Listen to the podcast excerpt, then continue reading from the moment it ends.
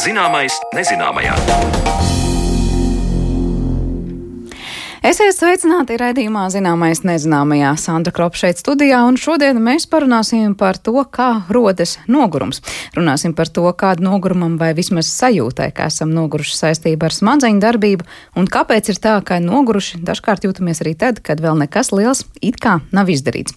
Daļu no atbildēm meklēsim raidījuma otrajā daļā, taču pirms tam lūkosim, kādi cēloņi ir dažādām ar imunitāti saistītām saslimšanām. Stress, iedzimtība vai nepareizs uzturs vai viss kopā? Kuri no šiem faktoriem izraisa tādas slimības kā psoriāze, celiakija, pirmā tipa cukurdiabets, reumatoīdais artrīts un vēl virkni citu autoimūno slimību? Uz šādiem grūti atbildāmiem jautājumiem atbildes kopā ar zinātniekiem meklē arī mediķi. Kā viņiem veicas, to mana kolēģi Zana Lāce devās skaidrot pie endokrinoloģijas Ilzas Konrādas. Vesela imūnā sistēma darbojas pret nevēlamām baktērijām, vīrusiem un arī pret tām šūnām cilvēka organismā, kuras ir izmainītas. Taču mēdz notikt tā, ka imūnā sistēma kaut kādu iemeslu dēļ sāk darboties pret cilvēka normālajām šūnām un audiem, tos iznīcinot, un to sauc par autoimunitāti. Imūnsistēma traucē šūnu darbību, tās nevar normāli strādāt un aiziet bojā. Un, diemžēl pēdējos 20-30 gados autoimūno slimību biežums pieaug. Kopā ar Latvijas biomedicīnas pētījumu un studiju centra kolēģiem Rīgas Austrumu Kliniskās Universitātes slimnīcas endokrinoloģijas nodaļas vadītāja Rīgas Stradiņa Universitātes iekšķīgo slimību katedras asociētā profesore Ilze Konrāde meklē atbildes uz jautājumiem, kā ārējā vide un ģenētiskie faktori ietekmē šo autoimūno slimību attīstību un ārstēšanu. Viens no minēto autoimūno slimību ierosinātājiem ir stress. Par to stāsta profesore Ilze Konrāde. Kas notiek stresa situācijā? Tātad stresa situācijā smadzeņu struktūras, kas regulē endokrīnos ziedzerus, to sauc par hipofīzu un hipotalamu, ražo vairāk virsnieru kortizolu stimulējošu vielas. Un tad virsnieris sāk ražot hormonu kortizolu. Un kortizols ļoti lielā mērā maina imūno šūnu skaitu un funkciju. Un tas ir ārkārtīgi svarīgi, jo, piemēram, ir pierādīts, ka pēc otrā pasaules kara ļoti dramatiski pieauga saslimšana ar šo autoimūno tiriotoksikozi ar greivsa slimību. Tātad imūno šūnu proporcijas, jo nav tā, ka ir vienas imūnās šūnas. Imūno šūnu ir ļoti, ļoti daudz, tur ļoti daudz šo apakštipu, un to ir grūti tā izstāstīt. To varbūt ir vieglāk bildītē uzzīmēt. Bet tā tad uzskata, ka vismaz daļa autoimūno slimību slimība varētu būt saistīta gan ar akūtām stresa situācijām, piemēram, īslaicīgs, bet ļoti, ļoti, ļoti smags stress, gan arī tas, ka mēs visu laiku, katru dienu, mēs esam tādā mērenā stresā, kas nekad nebeidzas. Tātad šajā situācijā varētu atkal attīstīties šīs autoimūnās slimības. Stresu pētīt ir ārkārtīgi grūti, jo katrs no jums noteikti arī zina, kā jūs reaģējat uz stresu. Tātad jums ir kaut kaut kas, kas jums nepatīk, un viens rūts visu dienu. Tad tas ir kroniskais stress. Vienam kaut kas nepatīk, viņš izkliedzās, un divu minūšu laikā viņš ir izrēģējis šo stresu. Tad ir tas, vai mēs pēc tam vēl turpinam eh, sevi mēģināt risināt iekšēji, un tad vai mēs atkal nobremzējam, mēs saprotam, ka mēs to nevaram ietekmēt un tā tālāk. Tad ir diemžēl tā, ka to stresu ir ļoti, ļoti grūti pētīt. Un tāpēc, protams, tas, ko var izdarīt mēs šobrīd Latvijas apstākļos, tās pamatā ir tomēr tās pacientu anketēšanas, un mēs jautājam, kā jūs tiekat galā ar šīm stresa situācijām. Un es, es ceru, ka, ka mēs gūsim kopā noteikti arī kaut kādas atbildes par to, ka tiešām šim stresam ir liela nozīme autoimūno slimību pētniecībā, jo nav, diemžēl, šobrīd tādas pārliecinošas atbildes. Vēl viens no iemesliem, lai attīstītos kāda autoimūnā slimība, ir gēni. Kā teica dr. Konrāde, mēs piedzimstam ar noteiktu chromosomu skaitu, un katrā chromosomā ir iekšā šie gēni, tostarp tādi, kas nosaka, kā imūnā sistēma darbosies. Lai arī cilvēkam var noteikt, ir vai nav viņam šādi gēni, kas izraisa imūnas sistēmas nepareizo darbību, tomēr gēni vieni paši šo imūnsistēmu nevar ietekmēt gēni jums nepasaka, kāda autoimūna slimība jums būs. Pat tad, ja mēs noskrīnētu pilnīgi visu genomu, mēs nevaram pateikt, ka jums būs tiriotoksikoze vai pirmā tipa diabetes. Autoimūnās slimības attīstība ir saistīta ar visiem šiem ārvidas faktoriem. Bet kāpēc mēs eh, daudz runājam par stresu? Jo eh, autoimūno slimību karte, nu, pēc tā, cik viņas ir biežas katrā valstī un katrā mm, geogrāfiskā teritorijā, tā ir ļoti, ļoti tuva tuva apgaismojumam naktī. Tātad šis urbānisms, tātad vide un stress, tātad tas varētu būt tie faktori, kas tiešām veicina tās autoimūnās slimības. Jo kā deg, piemēram, Ņujorka naktī, cik viņa ir gaiša, tad arī autoimūno slimību izplatība šajās vietās vienmēr ir augstāka nekā, piemēram, Āfrikā. Ir arī izpētīts, ka tāds ķīmiskais elements kā selēns labvēlīgi ietekmē mūsu organisma aizsargspējas, un šobrīd ir aktuāls jautājums, cik daudz un vai visiem cilvēkiem vajag šo selēnu lietot, lai tas mūs pasargātu no minētajām autoimūnajām slimībām. Selēns ir mikroelements, kas arī spēj modulēt imūnu šūnu, kas ir limfocīti funkciju. Un, ja mums ja šie limfocīti ir gudri, un tad šie limfocīti nesāk šīs autoimūnās slimības, tādā gadījumā mums neattīstās atkal slimība. Un Latvijas iedzīvotāji pētījumiem bija iepriekš tāda informācija no dažiem iepriekšējos gados veiktiem pētījumiem, ka Latvijas iedzīvotājiem selēna ir relatīvi mazāk. Tātad pirmais uzdevums eh, tam pētījumam, ko mēs esam sev izvirzījuši, mēs gribam pārbaudīt, kāds ir nodrošinājums Latvijas iedzīvotājiem ar selēnu.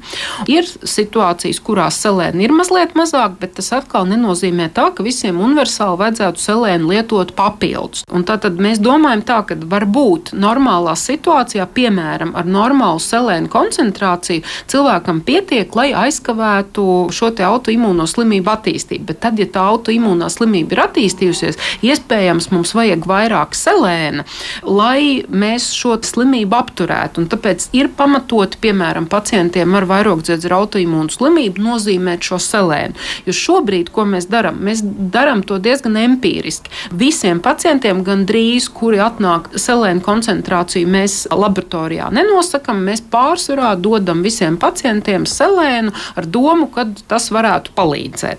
Bet ir jautājums, vai tas tiešām palīdz. Un tas ir mans lielais jautājums, vai tiešām visiem tas selēns ir jālieto.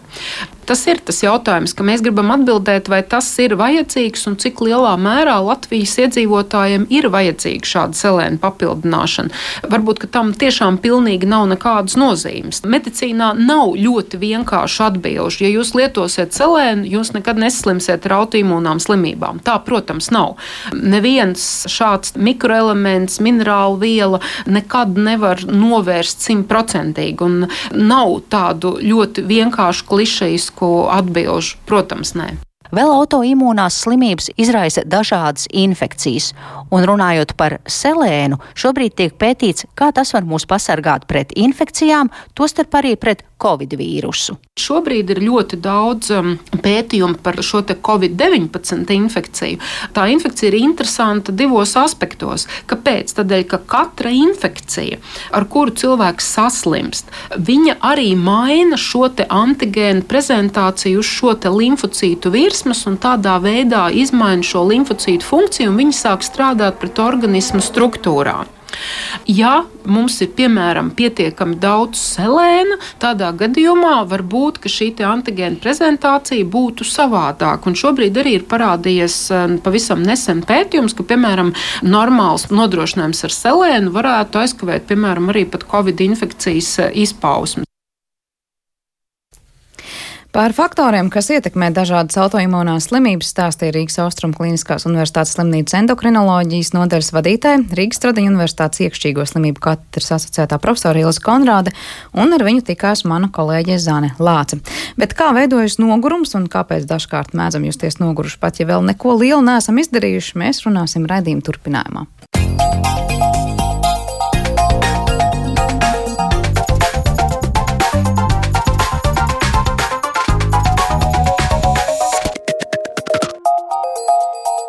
Zināmais nezināmajā.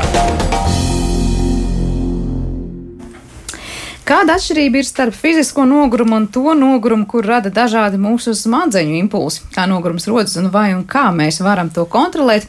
Lai par to visu runātu, mēs studijā esam aicinājuši Rīgas Stradiņu Universitātes neiroloģijas un neiroķirurģijas katedras asistentu, Pauli Stradiņas slimnīcas un klinikas diameta neirologu Jānu Mednieku. Labdien! Sveiki! Cik lielā mērā mēs varam teikt, ka nogurums, ko mēs izjūtam, patiešām primāri ir mūsu galvā, nevis kur citur cilvēku organismā? Um, manuprāt, ir, e, tie mehānismi ir dažādi, kā, kā mēs sajūtam nogurumu, un es domāju, ka ir svarīgi gan šie perifērie mehānismi, teiksim, tātad, ja teiksim, noguris muskulis, kurā uzkājas e, pienskābi, viņš arī var sūtīt noteikts impulsus uz galvas smadzenēm, un tādā veidā atbilstoši zonas, kas reaģē uz nogurumu, viņas, tie, viņu aktivitāte izmainās. Otrkārt, protams, arī mūsu refleksija par to, ko mēs veicam, par to, precīzāk sakot, par to, ko mēs plānojam veikt un cik labi tas plānotais izdodas, tas arī var ietekmēt nogurumu sajūtu. Tādējādi, ka, ja piemēram mēs vēlamies kaut ko izdarīt, kādu fizisku aktivitāti, mēs, tad mēs viņu veicam, un tas rezultāts ir zems, salīdzinot ar mūsu expectācijām, tas nozīmē, ka tas potenciāli varētu veicināt nogurumu sajūtu. Vienkāršot sakot, tad, ja mums ir jāveic kaut kāds uzdevums, un mēs iekšēji domāsim, ka es ar to netikšu galā, Tā ir tā vai precīzāk? Ne, otrādi, otrādāk. Kad ja mē... es izdomāšu, ka nu, es noteikti to izdarīšu super labi, jā, jā. un nevainojami. Tā tad es vairāk sev pakļaušu tam nogurumu riskam? Jā, tas, e, protams, tas tā klasisks, klasisks šī situācija tādā, ja mēs runājam par fizisku nogurumu, bet īstenībā arī viņi var pārnest uz cita, liksim, noguruma veidiem, liksim, mentālu nogurumu un tā tālāk, jo tie visi arī ir bioķīmiski procesi gal galā. Jā, ar ko atšķiras tas fiziskais nogurums no mentālā noguruma? Nu, tas, no, tad, fiziskam nogurumam šī ir šī te, nu, ko es saku, varbūt perifērā komponente, tad, kā, tad ir šie impulsācija no um, skeleta muskultūras, kur uzkājas kādi um, vielmaiņas gala produkti, kas tad, varsim, var izraisīt specifisku receptoru kairinājumu un tad signalizē tādējādi par nogurumu. Savukārt, um, ja mēs runājam par tādu uh, mentālu nogurumu, uh, tad tas vairāk ir saistīts tieši ar procesiem galvas smadzenēs, izolēti, un ir tātad zināms. Um, noteiktas gausa smadzeņu zonas, kuras tad, ir arī pētīts, kā viņas mainās, viņu aktivitāte tādā gadījumā, vai mēs esam vai mēs neesam noguruši. Protams, mēs nevaram runāt līdzīgi kā piemēram, par motoro garozu vai zonu, kas atbild par kustībām. Nav tāda noguruma viena zona, bet mēs zinām, ka daudz dažādas zonas, kas ir saistītas ar lēmumu pieņemšanu, ar izvēļu veikšanu, tad viņas var, viņu aktivitātes gan var mainīties. Var salīdzināt to, ka tajā brīdī, kad mums ir iestājies mentālais nogurums, mums līdzīgi kā fiziski noguruma gadījumā būs tur nu, nogurušas tur rokas, kājas vai kas cits, mums ir nogurušas smadzenes.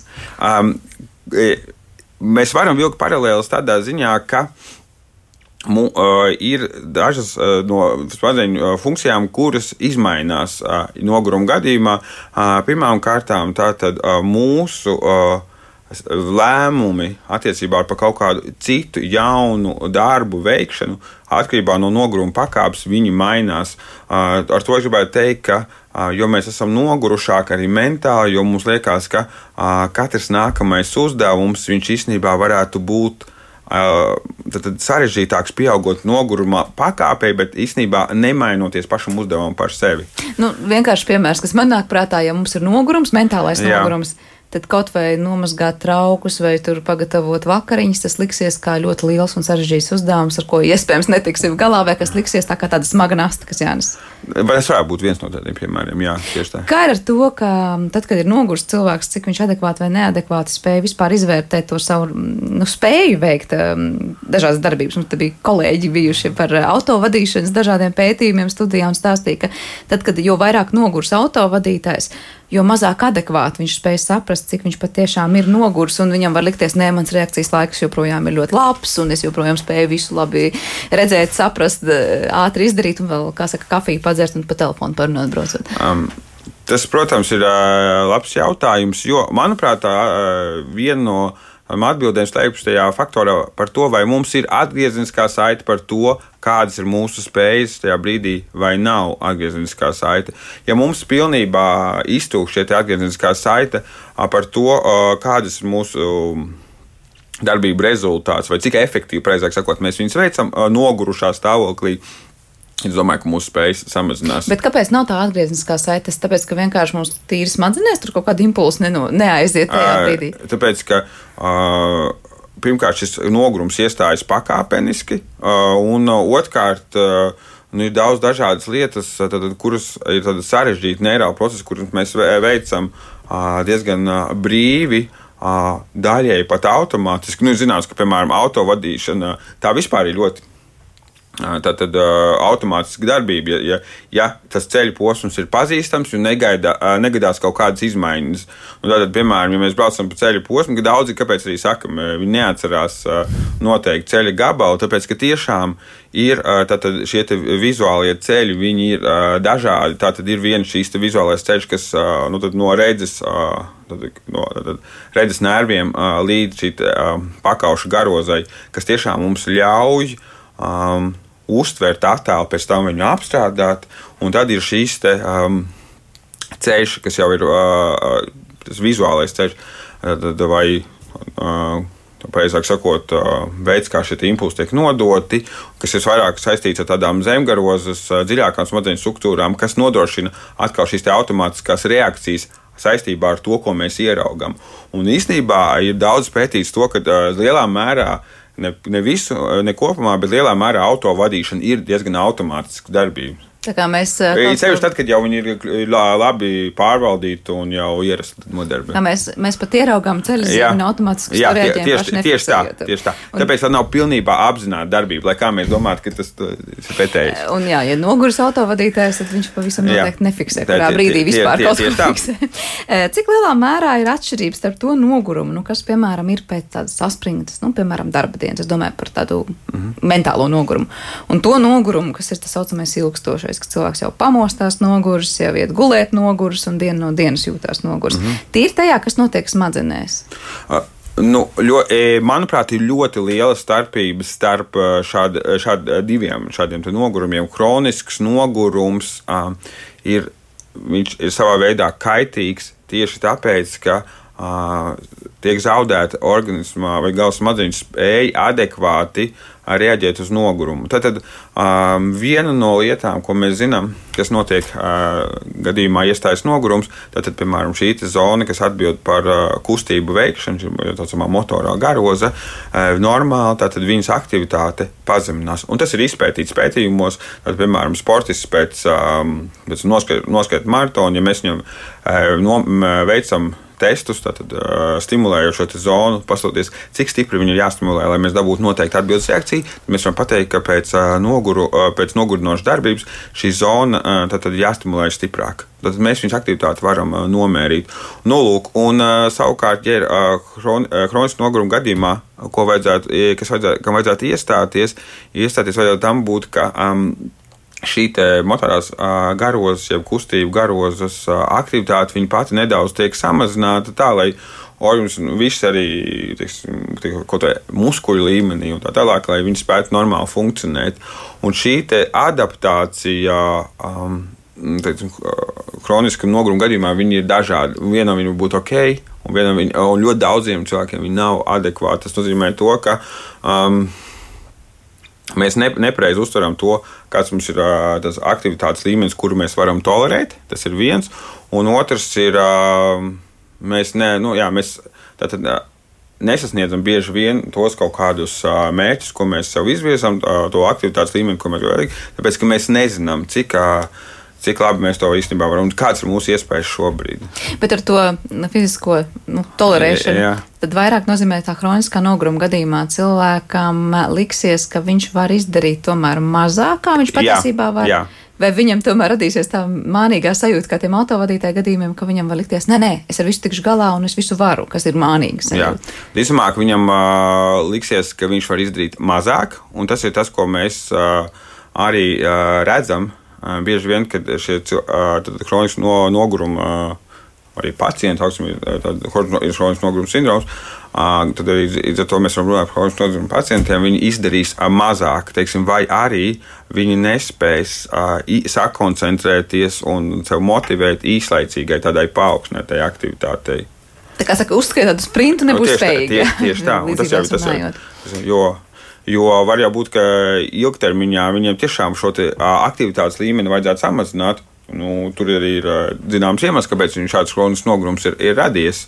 Uh, Bet uh, kopumā es gribu teikt, to, ka viņiem ir tajā pašā laikā, lai no tāda stāvokļa iziet, ir jābūt iespējai uh, variēt šo te aktivitātes līmeni. Tas ir tāds mazliet apgrieztais, nenoslēgtais lokus visu laiku, jo no vienas puses, jo vairāk cilvēks jutīsies nogurs, jo vairāk viņš sapratīs un ticēs, ka viņš nevar neko citu izdarīt, jo mazāk viņš darīs, jo vairāk viņš jutīsies tiešām, ka viņš nevar zināt.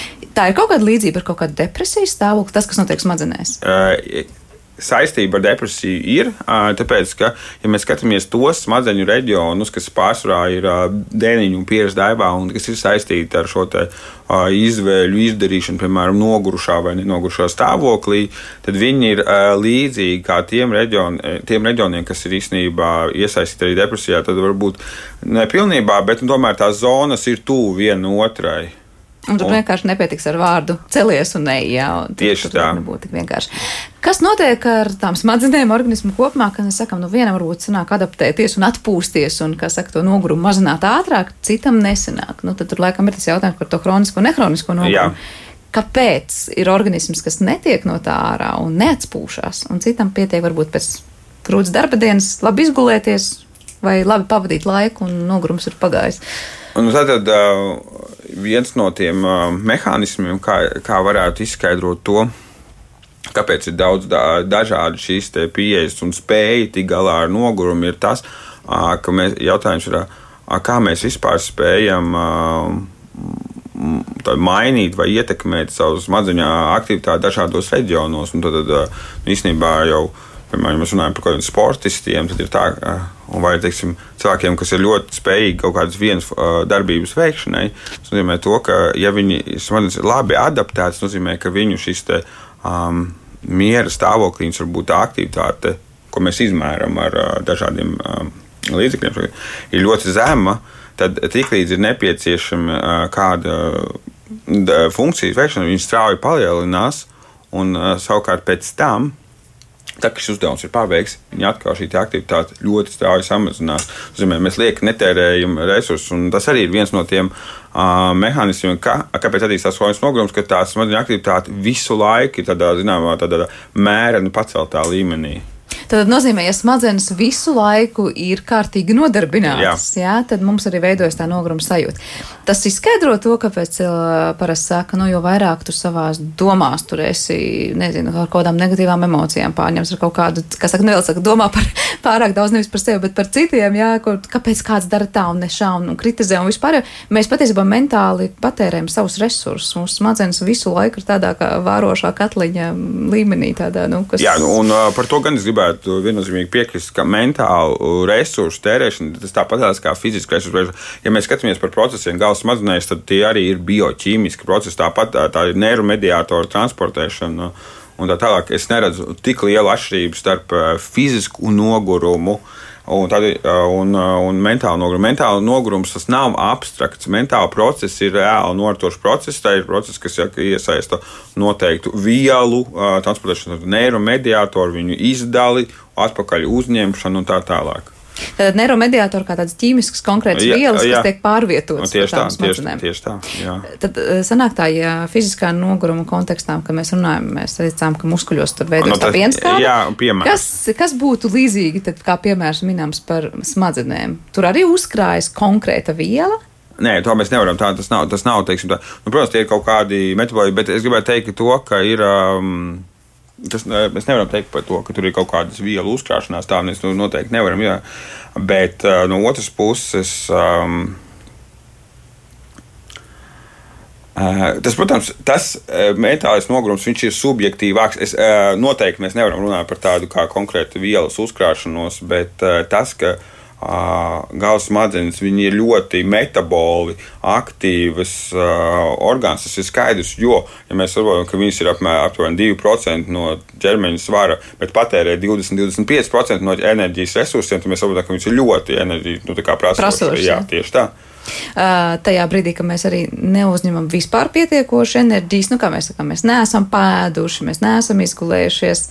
Tas ir arī tas, kāpēc rodas smadzeņu, ja tā var teikt, nogurums vai, protams, smadzenēm uh, nu, tā... trūkst, trūkst no kā pārstrādāt. Nē, nu, nu, protams, tāpēc, ka uh, savā veidā, uh, ja mēs domājam organismā, kā notiek kaut kādu uh, darbību vai iespēju prioritizēšanu, tad loģiski, ka nu, ir kaut kādas pilnīgi pamata funkcijas, kas ir jāveic ļoti fiziskas. Nu, tad, nu, dzīvības procesa uzturēšana, elpošana, izdarbības, asinsītas nodrošināšana. Tikai pēc tam mēs varam runāt par kādu citu funkciju augstāku teiksim, izmantošanu. Ja mēs runājam arī par šo te, uh, pieres. Uh, daivas, daudzo reģionu aktivizēšanu, kas ir svarīgi lēmumu pieņemšanā, kas ir ļoti svarīgi teiksim, kaut kāda nākotnes perspektīva izvirzīšanā un tā tālāk. Um, tad uh, mēs saprotam, ka šo centru iesaist, nu, tas nav tas, vai jā, ļoti aktīvi, viņi jebkurā gadījumā tiek aktivizēti, kādā mērā, bet viņi ļoti izteikti aktivizēšana un izmantošana Tas, mēs nevaram runāt par to, ka tas ir kaut kas, kas ir prioritārs pilnīgi pār visu citu.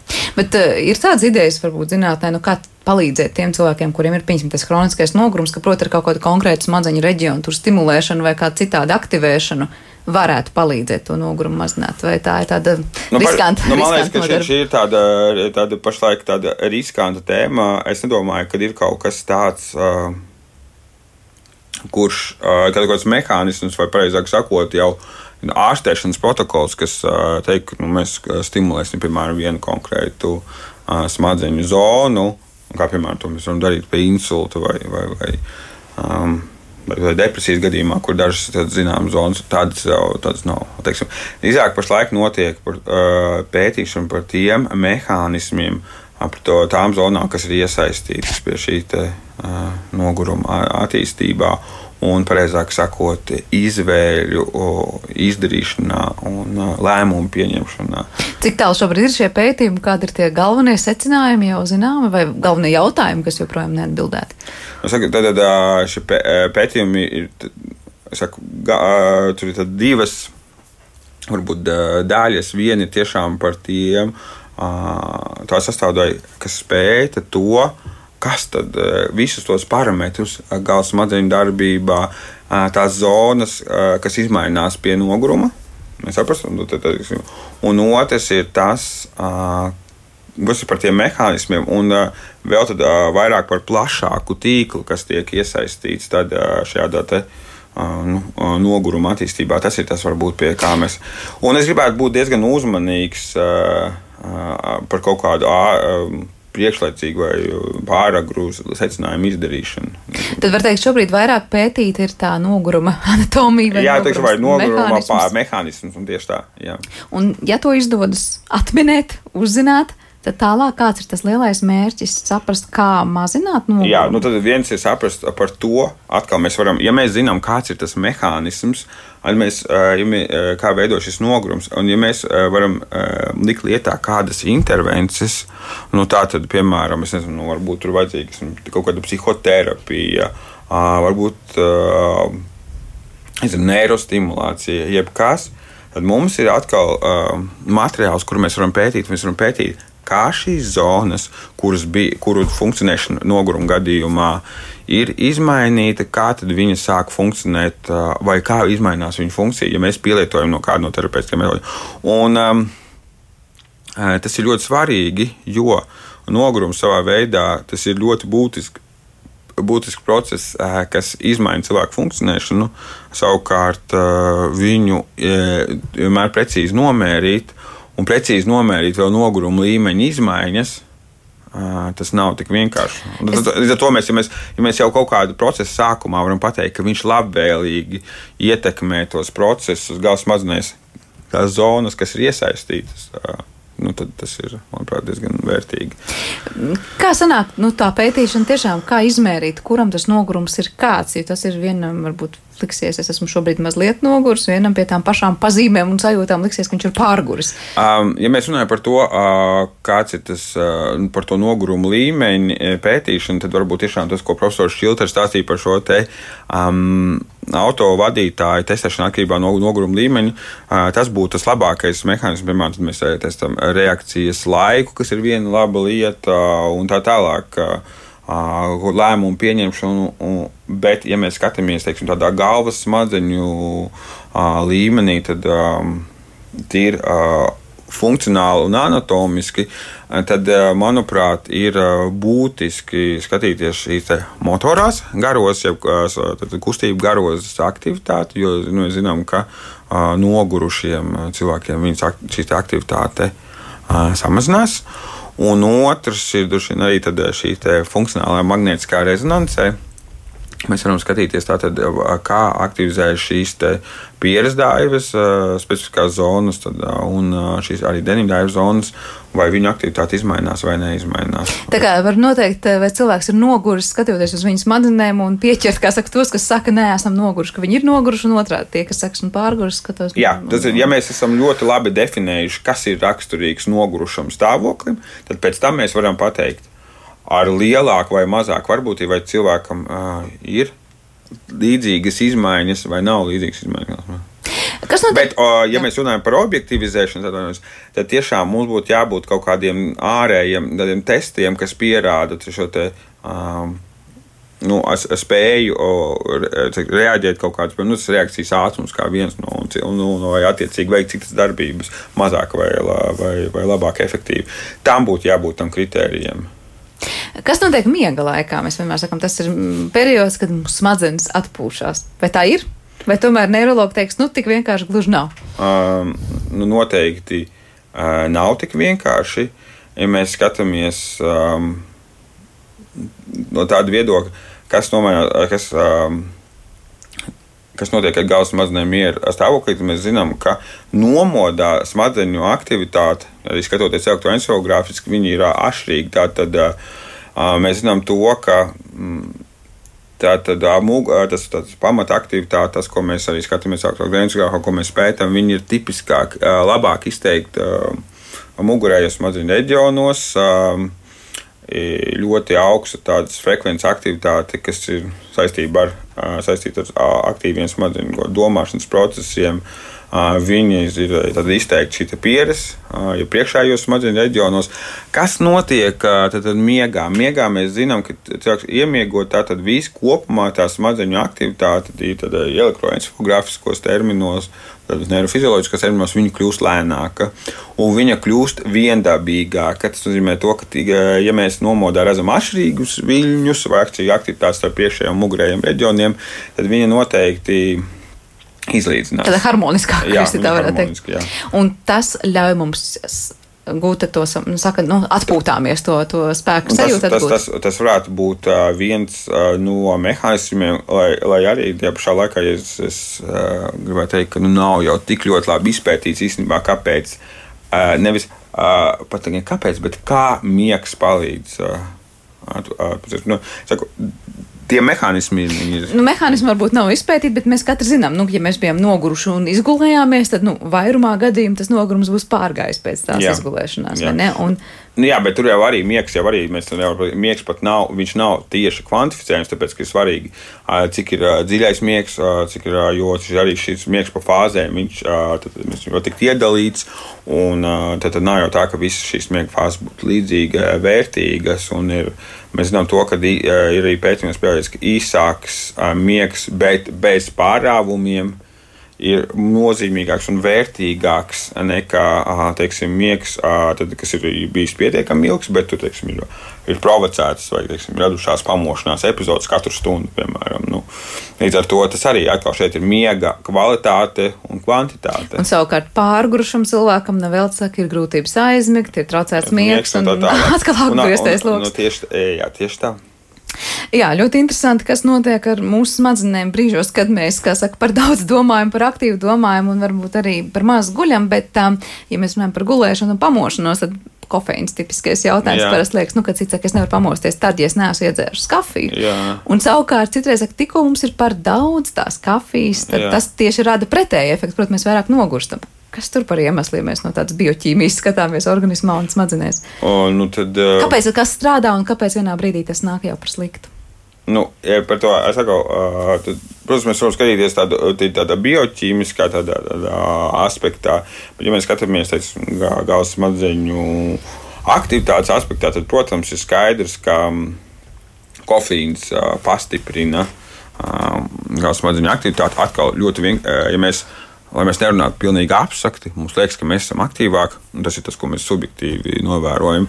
Ir tā, ka, ja mēs veicam šo te, iegūstam šo aktivitātes mērījumu šajā pašā atkal kustību garozā, jo tā ir tāda viena laba zona, kuras aktivitāti var objektivizēt. Tātad ļoti vienkārši, ja mēs veicam kaut vai teiksim, elektrisku vai magnetisku stimulāciju, šī kustība garozā mēs varam reģistrēt, piemēram, rokas saraušanos. Tad mēs zinām, ka ir noteikts līmenis, kā, cik stipri mums jāaktivizē, lai mēs šo te, uh, kustību novērotu. Nu, tas ir labs veids, kā pētīt šo aktivitāti. Jo pretējā gadījumā, ja mums šāda te, uh, uzskatām parametri nav, mēs to nevaram izdarīt. Un tad kofīna gadījumā ir tā, ka, ja mēs esam lietojuši kafiju, mēs zinām, ka šo garozi pārliecinoši ir vieglāk aktivizēt. Uh, un tagad tas jautājums, uh, kas notiek, ja mēs uh, lietojam kofīnu pastāvīgi, daudz un ilgstoši? Ja? Jo es saku, galvas smadzenes. Ir adaptīvs mehānisms. Tas nozīmē, to, ka uh, viņas pielāgojas uh, ārējiem apstākļiem un pielāgojas teiksim, arī dažādu nervu stimulantiem, ko, kofīnu lietošanai. Un tad, ticamāk, šis aktivitātes līmenis var vienā brīdī varbūt arī nedaudz samazināties, sagaidot to, ka būs šīs kofīns, kas viņus aktivizēs. Vai arī var notikt arī uh, citi mehānismi. Vienkārši teiksim, šis te aktīvs līmenis tiek paaugstināts pārāk daudz. Un tas nozīmē to, ka Un tas jau ir, tas ir kaut kāda fona aktivitāte, kas var. Var teikt, smadzenes ir pārdozētas ar nu, kafiju un pieredzināts. Tieši, tieši tā. Vien. Tas ir iemesls, kāpēc cilvēki daži saka, man kafija neietekmēs tieši labāk guļu. Nu, Protams, iedzer kafiju un aizēju gulēt. Nu, ir jā, tādi cilvēki. Jā. Var teikt, tur vienkārši. Nu, kā, nu, tas varbūt ir tieši tā, ka ir sagaidāms kaut kāda šīs stimulantu uzņemšana un gāzes spēja. Tie ir tā parušāls to aktivitāti samazināt, sagaidot viņas tūlītēju paaugstināšanu. Vienkārši, lai to kompensētu, bet tas kompensēšanas mehānisms varbūt ir pārāk. Tā ir mana kā, spekulācija. Jā, minējumu daudz, bet klausoties jūsos, es saprotu tā, ka.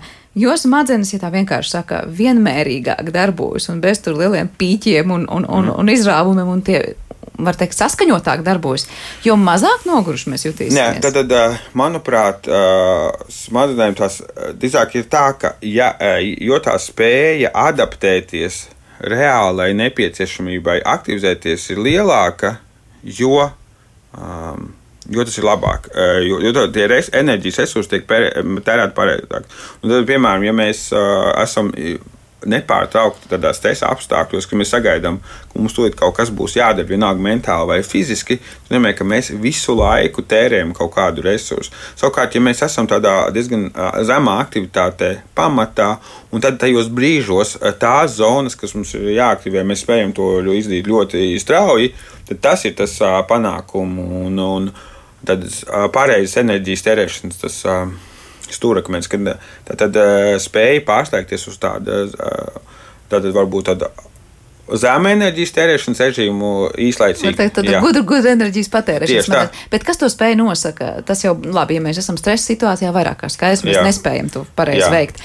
Tā ir kaut kāda smadzeņu iedzimtība, tas ir mūsu dzīvesveids, vai tas ir kaut kāda sastāvdaļa? Tas ir, tas ir, domāju, ka tas ir tas ir tādu faktoru kopums. Ja, nu, mēs kaut kādā veidā to cilvēku arī trenējam, teiksim, šo spēju. Piemēram, tā tad, ja mēs skatāmies, piemēram, mums ir jāveic kaut kāds uzdevums. Tā, noteikts, kaut kāda fiziska aktivitāte. Mēs zinām, ka vieglas lietas viņš, viņi iztēlojas, ka viņi to dara. Ar iztēlošanos īstenībā var, var, var Agne var aktivizēt motoro garozu, tad pastiprināti tajā brīdī, kad viņiem tas jāveic. Nu, tas nozīmē, to, ka varbūt tad, tad bāzes līmenī viņi, viņi ir daudz zemāk aktīvi. Īstenībā. Un tas arī ir pierādīts, tā, ka tajā brīdī, kad viņi neveic fizisku aktivitāti, viņas tā, tā, tā, šīs motorās garos aktivitātes ir diezgan uh, zema. Savukārt, tad, uh, viņi var ļoti strauji palielināt. Nu, tā, tā garos aktivitāte palielināsies, tad pietiekot domāt par to, kā Jā. es tagad peldu vai skrienu. Jā lai, lai jā, saka, smadzenēm nav atšķirības. Tā, pat ja mēs redzam, ko tas cilvēks to dara, viņi, tas jau, viņi jau sāk aktivizēt. Ah, tāpēc, skatoties sporta, visi jūtas kā liels speciālists, vai ne? Jo divām ekspertiem tagad ir izskaidrojums. Tad, tad viena lieta būtu, jā, jā aktivizē šī smadzeņu reģioni. Jā. Bet kāpēc viens būs stresa noturīgāks vai nogurumam netik ļoti pakļauts, un otrs vieglāk pakļauts, kas tur noteiks to individuālās atšķirības. Nu, viens nogurs pie, nezinu, būs jāpadomā tikai pusstundu intensīvi kaut kas, un viņam visu dienu liksies, ka smadzenes ir pārkarstušas, kā mēs teikt. Jā, bet tas ir tas, uh, to es gribētu īstenībā teikt, tur lielā mērā ir jautājums, vai tiešām veicot šo vienu darbību, to galveno ir eh, cilvēks domā tikai un vienīgi par to. Ja paralēli tiek, teiksim, tik, bieži vien tas ir psiholoģiski, ja tiek risināti kaut kādi citi vēl psiholoģiski jautājumi, tad viņi arī varbūt neapzināti, tad īstenībā tas arī prasa diezgan lielu um, resursu. Proti, tad mēs darām, piemēram, ierasto darbu. Jā un fonā ja mēs, stresojam par kaut kādu jā, vai, vai, vai pat neapzināti kaut ko pārdomājam. Un tas ir tā, tas, nu, no manā skatījumā viena no tām uh, izskaidrojumiem, tiešām, kāpēc mēs viens varam, otrs nevar. Tas ir tāpēc, ka vai nu viens, jā, viņš pats aktīvi uh, koncentrējas tam darba uh, veikšanai.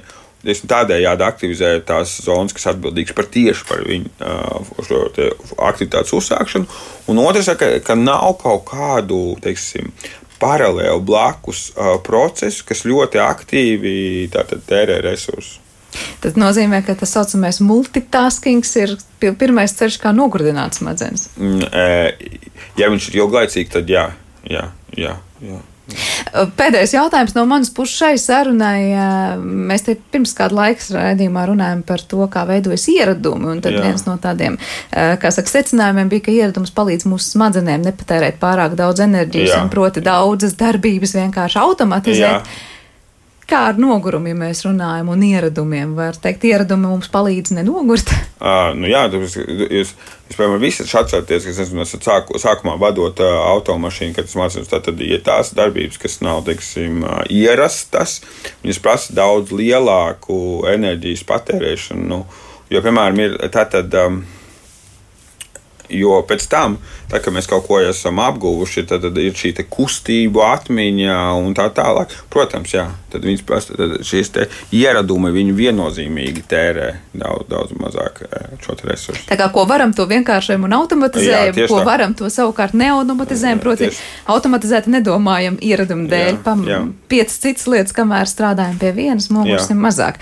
Skaidrs ir viens, tātad šis mentālais nogurums, tas nav iedomu nogurums, jā. tas ir viņš ir pilnīgi, izmērāms. Jā, un, jā ar konkrētām vielām, kā teikt, skaidrojums Jā. mūsu smadzenēs. Mm -hmm. Lielas paldies par šo sarunu. Es ceru, ka tas ļaus daudziem mums pārdomāt, kā mēs domājam un cik ļoti nogurdinam vai nenogurdinam smadzenes, tad, kad tas nav jādara. Rīgas Stradiņa Universitātes neiroloģijas un neiroķirurģijas katedras asistents un Paustradiņas slimnīcas un klinikas diamēta neiroloģis Jānis Mednieks šodien pie mums viesojās raidījuma studijā. Ar to arī raidījums ir izskanējis un par to parūpējās producents Armīta Kolāte, mūzikas redaktors šeit nu nebija Girds Bišs, skaņu režijā bija Vets Zvēnies un studijā Sandra Kropa.